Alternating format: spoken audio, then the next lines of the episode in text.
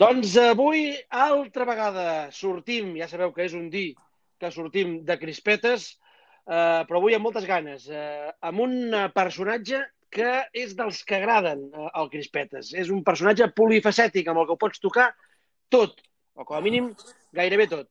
Eduard Voltes, bona tarda. Bona tarda. Com ho portem, això? Doncs mira, aquí un fantàstic dia de confinament amb pluja. Què més vols a la vida? Bueno, jo, escolta'm, si jo quan estava malalt, eh, i era, i era petit, i estava, era un malalt dels esports i tal, si estava malalt, com a mínim demanava que com a mínim plogués, eh, que els altres també es fotessin. Ara ja estem en el món al revés, eh? ara estem tan fotuts tots que hi ha una mica el que passi a fora. No? Hòstia, és horrorós, és horrorós i espero que... Bueno, en fi, és igual, ja està. 10 de maig, diuen, no? Doncs va, 10 de maig. Tu creus? No, no, és que, és que no ens ho podrem ni, ni, ni creure, no? Vull dir, és que ja no, no, arriba un no moment que... No I, creus que... I creus que ells s'ho creuen? I que ells van allargant de 15 dies en 15 dies perquè suposo que deuen considerar que, que l'impacte psicològic de, de dir, doncs mira, és que estarem així tancats fins a Sant Joan, diguem, uh, deu ser, deuen considerar que seria, que seria molt pitjor i que ho portarien pitjor. Imagino, vaja, i que llavors cada 15 dies s'allarga amb noves mesures de, de, de flexibilització i de, i de que la cosa no sigui tan dura i ara han anunciat lo dels nens i tal, i van fent, van jugant així amb la nostra psique. I, que, ja, que ja em sembla bé, eh? perquè, perquè també s'ha de gestionar la psicologia col·lectiva en, en una situació com aquesta. Però, però en canvi, a nivell comunicatiu, tu creus que eh, eh, seguint amb aquesta manera de comunicar, i no parlo de, ni de Catalunya ni d'Espanya, eh, parlo a nivell global, canviarà també la percepció de la, de la comunicació per part de la gent? És a dir, la credibilitat que donem als missatges que ens donen les autoritats, creus que la gent tu i jo perquè som uns malalts de, de, de la comunicació, eh? Mm. els que ens hi dediquem més o menys, però que la gent eh, acabarà mm, relativitzant molt els missatges, els inputs que els hi arriba de, de les autoritats, per exemple, o dels mitjans? Saps què passa? Que aquest, aquest eh, concepte, la gent, eh, que a vegades estic més convençut que no, bueno, que no, no existeix, no? Jo, jo es va diluint, crec no? que hi ha gent, no, hi ha, jo crec que hi ha moltíssima gent que està hiperconnectada, com, com nosaltres, no? Sí. I que segueix l'actualitat per tota mena de canals, etc i, i després hi ha molta gent que no, que no, que, no, que, que això, que veu una compareixença, una compareixença a la tele al dia, o potser la veu un cop a la setmana i prou, i, i, i ja està, no? I li, vull dir que no, no... Els nostres estàndards no, d'hiperats no són per analitzar uh, això gent. En, en No, no... Sí que crec que la comunicació de crisi, després de tot això, mm, viurà una nova, una nova etapa d'estudi. És a dir, que la gent que es dedica a comunicació de crisi doncs tindrà molta teca per estudiar i per, i per analitzar i per eh, millorar i per replantejar-se coses, eh? perquè almenys en aquest país no n'havíem viscut una com aquesta mm, des de fa dècades i, i quan des de fa dècades vull dir que no hi ha res comparable a això des de, des de la Guerra Civil, diguem-ne, des de la situació de crisi que afecti, que afecti absolutament a tothom, no? I, i que això donarà per estudis interessants, això segur qui t'està agradant com, com comunica? Qui t'està agradant més com comunica? Angela Merkel. Va, va, va donar una, una bona lliçó l'altre dia. Sí, no, no... És a dir, he de dir que a Catalunya i a Espanya no, no hi ha ningú que estigui excel·lint, sincerament. No hi ha ningú que digui, hòstia, que quan parla, noi, em, em, em tracta com a adult, em tranquil·litza, veig que estic en bones mans, etc. No, no vull ser destructiu, eh? No, eh, entenc que és molt difícil la situació i que, i que un polític no té per què néixer preparat per una cosa com, com aquesta. Però sí que quan miro a l'estranger veig models de comunicació molt més convincents i, i tranquil·litzadors i directes i molt menys impostats. No? Veig molta comèdia, sobretot en Pedro Sánchez, la veritat és que veig molta comèdia. Um, veig, me l'imagino assajant davant del mirall, diguéssim, abans de la compareixença, diguem I, no, I això no és bo. I llavors, quan veig l'Angela Merkel, veig, veig una naturalitat total, no?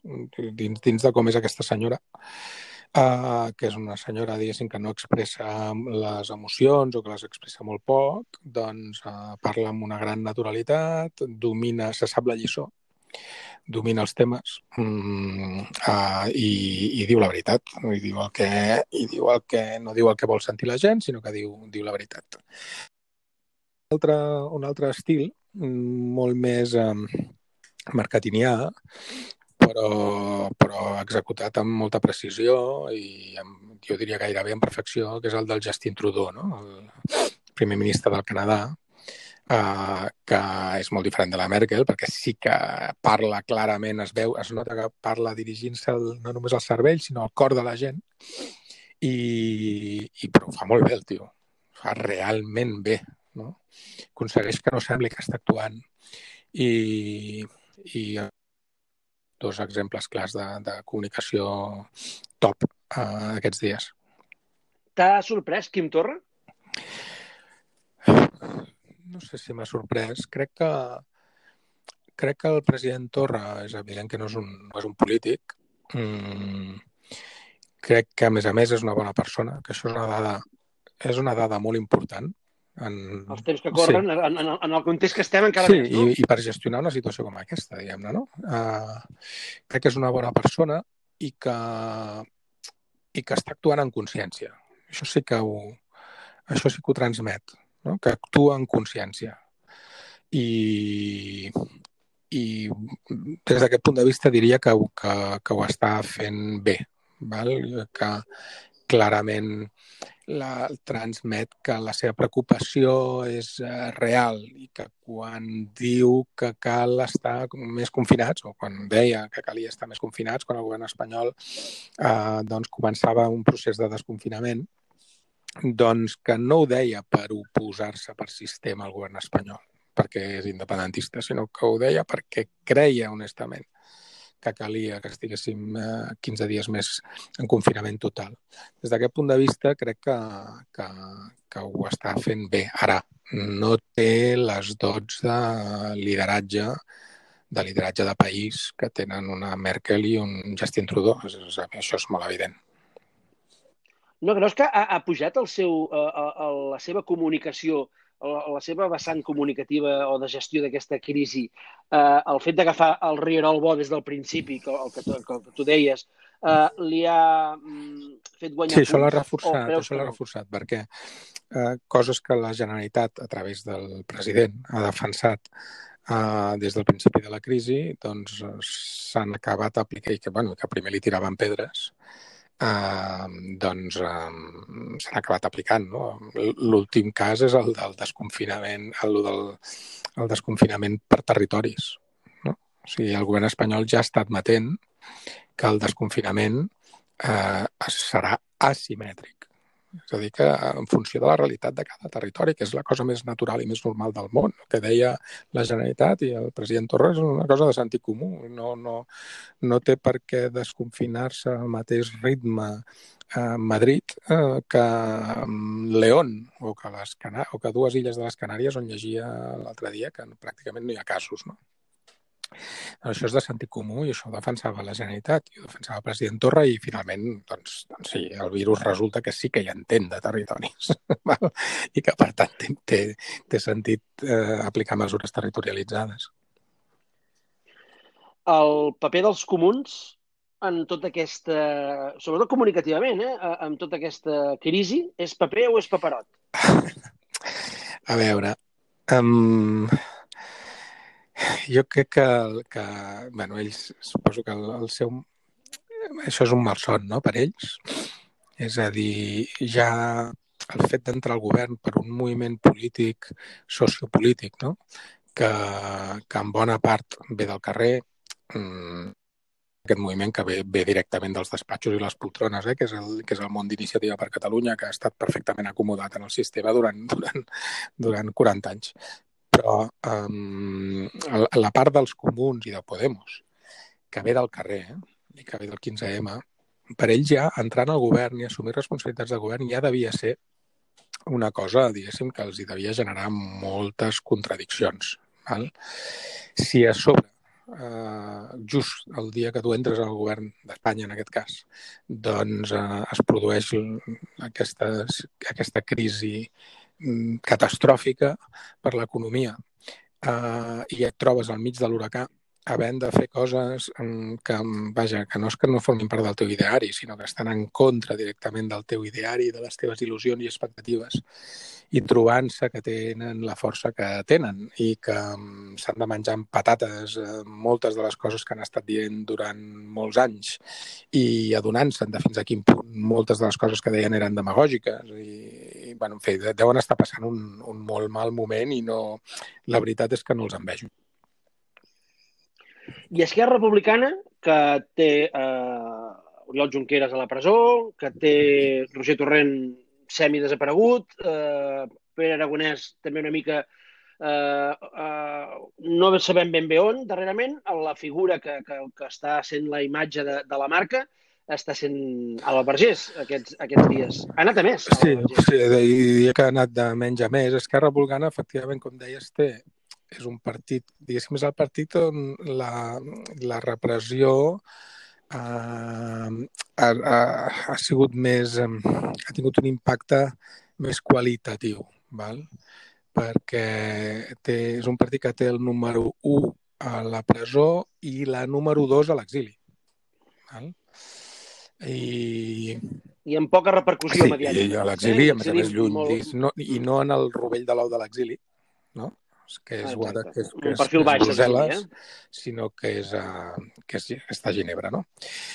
I, efectivament, jo, bueno, jo crec que el Pere Aragonès, diguéssim, està fent de, més de conseller d'Economia que de vicepresident de, de la Generalitat. Mm, crec que està molt centrat en, en la qüestió de les mesures econòmiques. No sé si és una cosa que han, han decidit en el partit, diguéssim, deliberadament, i, uh, però el veig molt, molt especialitzat en les qüestions econòmiques aquestes setmanes i Alba Vergés és veritat que ha anat creixent amb les, a mesura que han anat passant els dies doncs eh, se la veu més segura i més, eh, se sap millor la lliçó perquè és una lliçó, era una lliçó difícil d'aprendre, eh? és a dir, l'epidemiologia, diguem-ne, no, no forma part del, del manual bàsic del, de qui ha de ser un conseller de, de salut, diguem-ne. No, no t'esperes que, que hi haurà una pandèmia mentre tu ets conseller de salut. Per tant, ha hagut d'aprendre la lliçó molt ràpid i sí, és veritat que sembla que, que, que projecta cada vegada més, més, més seguretat i més domini de la situació. Et sembla que el, el, el partit li pot, el pot beneficiar, beneficiar dintre del context que tenim és, és, és no fotre's una clatellada, eh? Uh, o el pot perjudicar realment, uh, estratègicament, el fet d'haver assumit Esquerra Republicana un perfil així més baix o més discret en aquesta... En, sí, en jo, jo moment. crec, no ho sé. No, Com a partit, no, eh? Honestament, partit. ara mateix Tadeu comentava que, no, que se'm fa molt difícil fer pronòstics no? sobre, sobre quan tornem a votar què passarà no? a Catalunya i a Espanya. Un, tendeixo a pensar que després d'una bomba de neutrons com, com, com aquesta que, que estem vivint, l'impacte més gran de les, de les nostres vides, eh, tots continuarem votant igual, diguem-ne, no? Eh, I que no es produiran moviments. Em costa, em costa de, de creure que no hi haurà canvis. Um, I, per tant, pronosticar coses em, em resulta, diguéssim, difícil. Però eh, en, el, en el cas d'Esquerra, he de dir que, que sembla que, que sí que ha optat deliberadament per un perfil no protagonista, diguem. Val? Mm, ha optat per... Diguéssim, jo crec que deuen haver fet la reflexió de que en aquests moments el, a la gent no li interessa res que no sigui com sortirem d'aquesta crisi sanitària i com sortirem de la crisi econòmica que ve al darrere, val? de la qual no, aquesta crisi no, no econòmica no, no serem conscients de fins a quin punt és bestial i descomunal fins que no ens desconfinem. Val? Perquè tu ara vas pel carrer, vas a comprar o passeges el gos i veus totes les persianes baixades i tu no saps, eh, bueno, pots pensar que aquelles persianes estan baixades pel coronavirus, val? i perquè hi ha un estat d'alarma que els obliga a baixar la persiana. però quan ens desconfinem veurem que moltes d'aquestes persianes no es tornen a obrir. Val? I que, per tant, al darrere d'aquella persiana s'ha produït un drama eh, mentre estàvem confinats. I el drama és que aquella empresa ha fet fallida, val? que aquella petita empresa ha fet fallida. I això val per petites empreses amb persiana al carrer i val per mitjanes i grans empreses eh, que ja veurem què passa amb elles i que, i que no tindrem la fotografia del camp de batalla i no... Ara que està de moda el sistema de recompte de morts, doncs eh, també hi haurà morts a l'economia, empreses que, que moriran, que tancaran i que i no sabrem exactament la dimensió de la tragèdia fins que hagin passat un parell de mesos després del desconfinament. El proper capítol respecte a com eh, es comporta a Twitter el Gabriel Rufián, diguem, mm, pel meu gust, hi ha una cosa que no, diguéssim, que, que, que jo, si pogués dir-li, doncs li diria, i és que no cal que aprofiti qualsevol oportunitat per posar el dit a l'ull al seu soci de govern. I de vegades eh, fa la sensació que li posa més el dit a l'ull i amb més ganes eh, en el seu soci de govern de Catalunya que el govern d'Espanya, del qual ell mm, no, és, no, és, no en forma part. Doncs els, els 30 segons o els 45 segons del, de les mascaretes del, de Miquel Buch, diguéssim, poden passar la història del mal teatre amateur de Catalunya. El PSC és més que mai, segurament en la seva història, eh, el, una sucursal del PSOE a Catalunya. I jo crec que en Miquel Iceta sap perfectament, perquè és un tio molt intel·ligent que està gestionant això, que això és el que li toca gestionar, és una, una sucursal del PSOE a Catalunya, aquest és el moment històric per ells, perquè, el, diguéssim, la, la part del partit que, que sempre havia vist Catalunya com, un, com una nació i que, a més a més, intentava actuar en conseqüència, doncs eh, li ha marxat, ja no hi és, crec que això passa pel moment més baix de la seva de la història del PSC. No, no és, és indistingible. Fa molt, fa anys, des que Miquel Iceta dirigeix el partit, que no som capaços els ciutadans de veure ni un sol tema en el que hi hagi ni un sol matís entre el PSC i el PSOE.